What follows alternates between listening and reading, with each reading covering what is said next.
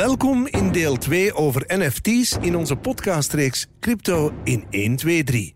Ik ben Peter Hoogland, strateeg en podcastmaker. En mijn crypto-mentor, onze crypto-mentor, is communicatiespecialiste en public speaker Kim Londers. Deze tweede aflevering over NFT's sluit het hoofdstuk NFT's af en geeft antwoorden op vragen als: Wat is flippen? Waar moet je op letten als je NFT's koopt? Hoe herken je scam? Is de hype voorbij en zijn NFT's dood en begraven? Of begint het nu pas echt? Kunnen NFT's problemen helpen oplossen en voordelen creëren? Maar om te beginnen in deze crypto in 1, 2, 3... Kim, wat is minten? Minten wil gewoon zeggen een NFT aanmaken op de blockchain. Dat is minten. Wat is flippen? Want dat hoor je ook veel in de NFT-wereld. Flippen is een NFT kopen en snel terugverkopen met winst. Dat is NFT's. Beetje Flippen. NFT's treden. Ja, ja, maar voorzichtig mee zijn. Hè. Ja. Je hebt de toestemming om bepaalde dingen te doen of te kunnen met NFT's. Je zet de eigenaar, je kunt het inwisselen, maar er zit ook veel scam in die NFT-wereld. Daarom dat ik zeg, kijk naar uniciteit, kijk naar het team, kijk Dat naar de de community uitdaging. enzovoort. Voor Ja. alles in die wereld. Hè? Want als je Ja. 20.000 projecten hebt op dit moment in zijn totaal. Maar daarom community is belangrijk. Werk u in. Natuurlijk, als je gaat kijken op OpenSea bijvoorbeeld, de meest bekende marktplaats voor NFT's, als je daar gaat kijken en je vindt iets heel mooi en dat valt heel goed mee in prijs, Ja. let er wel op, want er staat bijvoorbeeld 2 ETH bij als prijs, maar je gaat ook nog rekening moeten houden met de gaskosten die je betaalt, omwille van het feit dat je de NFT aankoopt en dat dat moet worden vastgelegd om de blockchain van, laat ons het houden bij Ethereum op dit moment, als ik het over gaskosten heb. Hè. Gaskosten bij Ethereum kunnen hoog oplopen.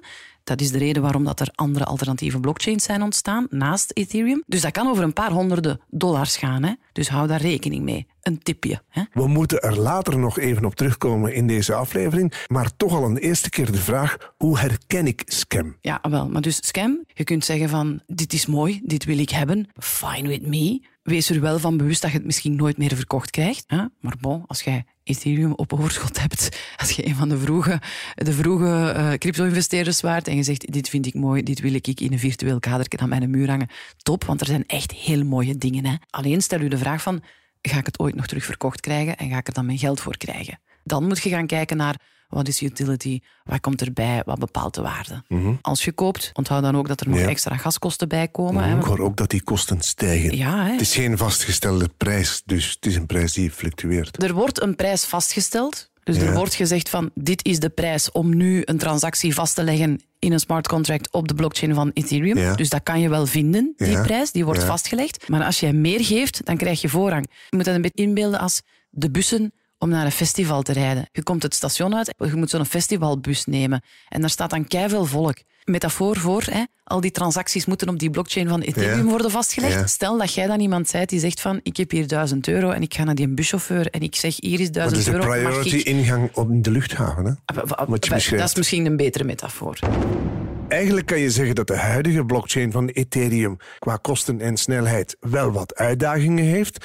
Er wordt een nieuwe gebouwd, alleen heeft dat wel wat gevolgen. Alles wat op de eerste blockchain staat van Verplaatst Ethereum worden naar- moet verplaatst worden naar die nieuwe blockchain waar een andere manier van werken, een andere manier van valideren en controleren zal zijn. Maar dat is geen sinecure. Dat is een werk van lange adem dat in verschillende stappen zal gebeuren. Mhm. En de eerste stap is daar ondertussen van gebeurd, maar er moeten nog een aantal stappen gebeuren. Als dat project slaagt, is dat fantastisch voor Ethereum. En dus iets om in de gaten te houden. Ja, Ethereum 2.0 is absoluut iets om in de gaten te houden. Wat moet je allemaal doen als je een NFT wil aankopen? Als je een NFT wil kopen, dan moet je crypto hebben.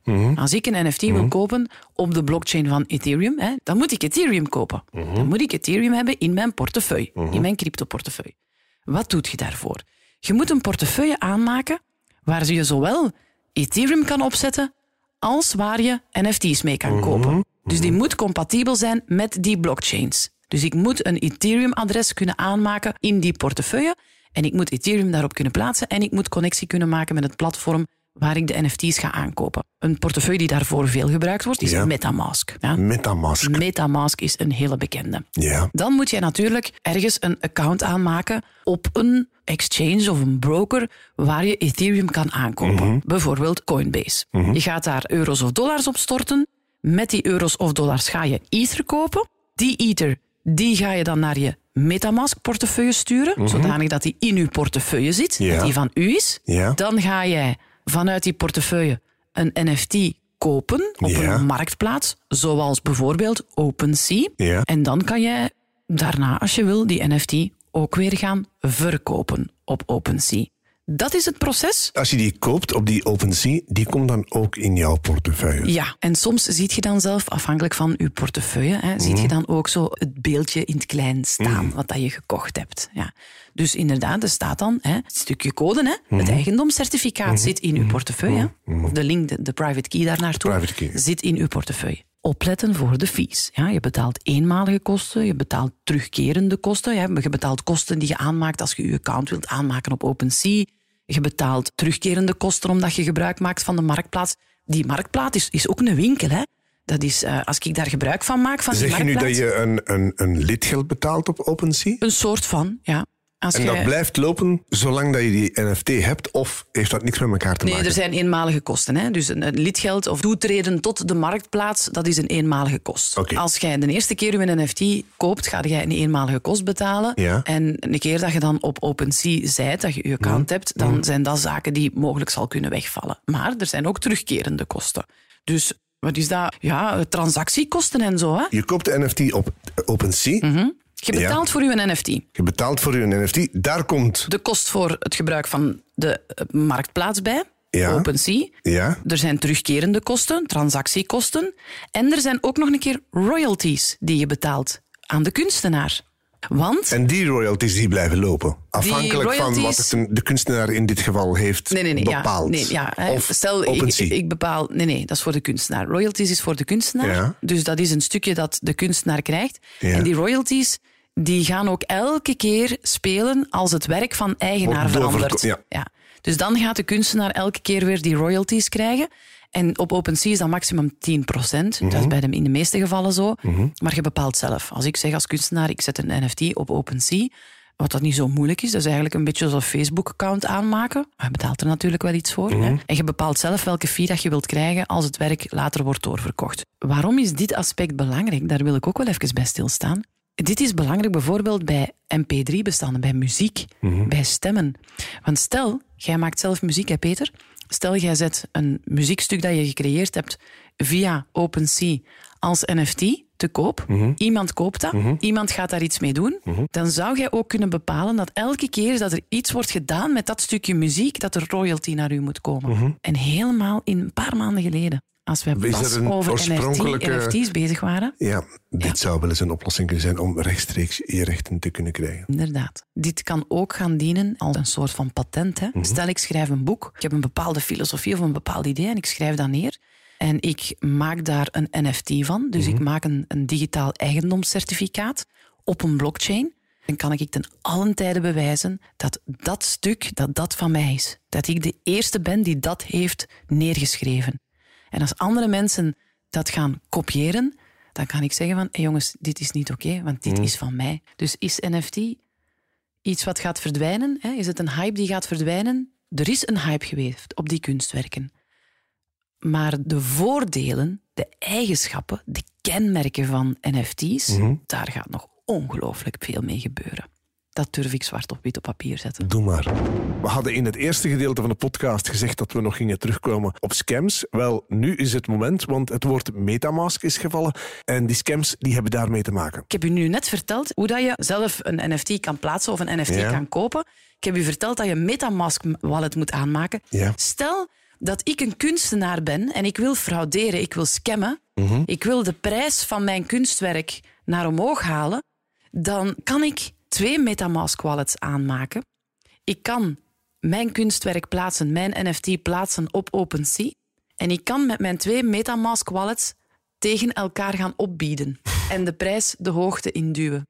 En als er dan een aantal kopers zijn die niet zoveel of die niet naar deze podcast geluisterd hebben en niet weten waar ze op moeten letten, en die zeggen, oh, oh, deze die gaan hard, die, die prijzen stijgen, en die zeggen, dan moet ik er, FOMO, Fear of Missing Out, dan wil ik er ook een van hebben, dan zijn ze gescamd. Brute pech. Dus, wees voorzichtig. Maar hoe is- kan je weten dat, dat iemand world. niet twee metamasken heeft... Door te kijken naar de community, het team, de mensen die in het team zitten. Doe uw fundamentele analyse over het project dat achter de NFT's zit, waar jij interesse in hebt. Do your own research. Mm. Gouden regel in de cryptowereld. Die NFT's zijn al een tijdje doorgebroken. Geef nog eens wat voorbeelden. En ook wel, hoe komt dat? Waarom? NFT's bestaan eigenlijk al van in 2014. Maar ze zijn in 2018 echt populair geworden met de CryptoKitties. En dat ga je waarschijnlijk al wel eens gezien hebben. Dat zijn van die digitale poezen. Katjes, unieke katjes. Maar daar zat al utility bij, hè?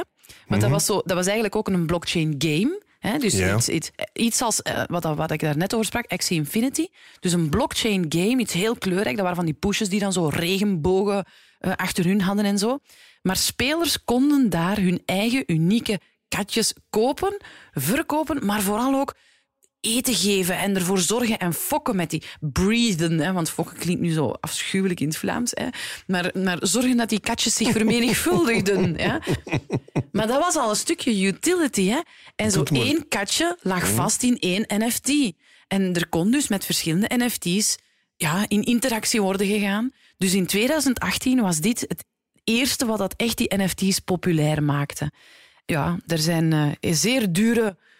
Ja, dat is Katjes verkocht. ja, ja, ik wou weer poezen zeggen. er zijn zeer dure katjes verkocht hè, voor meer dan een miljoen eh, dollar. Ja. Eh, maar er is nog veel meer geld rondgegaan in, in, in NFT's. Hè. Allee, Het duurste... Goh, ik durf er zo geen Ik voorbeeld... denk maar- dat Beeple het duurste is op deze moment. Hè? Nee, er, is, er was een een duurdere? Ja, ik ben, ben eens gaan kijken zo in voorbereiding voor 2021, maar ik heb het niet opgeschreven. Maar er, zijn er, voor, Ja. er is er ene voor 99 miljoen dollar gegaan. Echt waar, Peter. Maar Beeple zit wel in de top drie. Dus 69 miljoen dollar. En wat dat bijzonder maakte, hè, was, was Ja. het is een crypto-kunstenaar, maar kunstwerk, de NFT die voor 69 miljoen dollar is verkocht, die is via Christie's gegaan. Dus niet via een marktplaats zoals OpenSea, maar echt via een veilinghuis.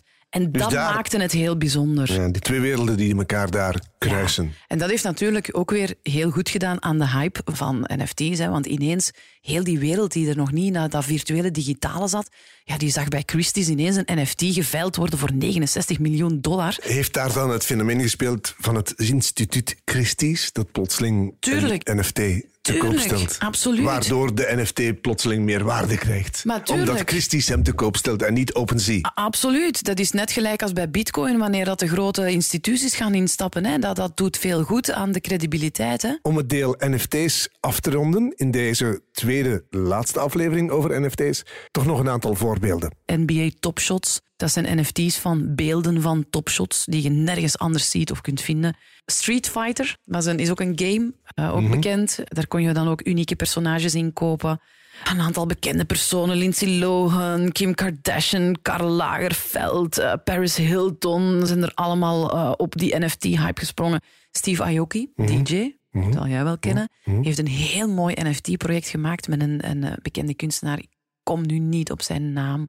Google het is NFT-project Steve Aoki. Korte filmpjes, bewegende beelden met dan Ja. de muziek van Steve onder. Ja, weet je, dat is natuurlijk de naam Steve Aoki en de naam van de kunstenaar die dat NFT-project heel waardevol maakte. Tot zover een inkijk in de NFT-wereld, zijn mogelijkheden en waar je moet op letten. In de volgende aflevering duiken we nog even kort in DeFi en oracles, om daarna antwoorden te geven op de vraag: hoe begin ik er nu aan? Dit was alweer een aflevering van Crypto in 1, 2, 3. Ik ben Peter Hoogland. Graag tot in de volgende aflevering van Crypto in 1, 2, 3. Deze podcastreeks Crypto in 1, 2, 3 is een productie van Buitenbenen, HLN, Peter Hoogland en Kim Londers. Vind je deze podcast goed? Deel hem dan via je sociale media en geef een review in je favoriete podcast-app.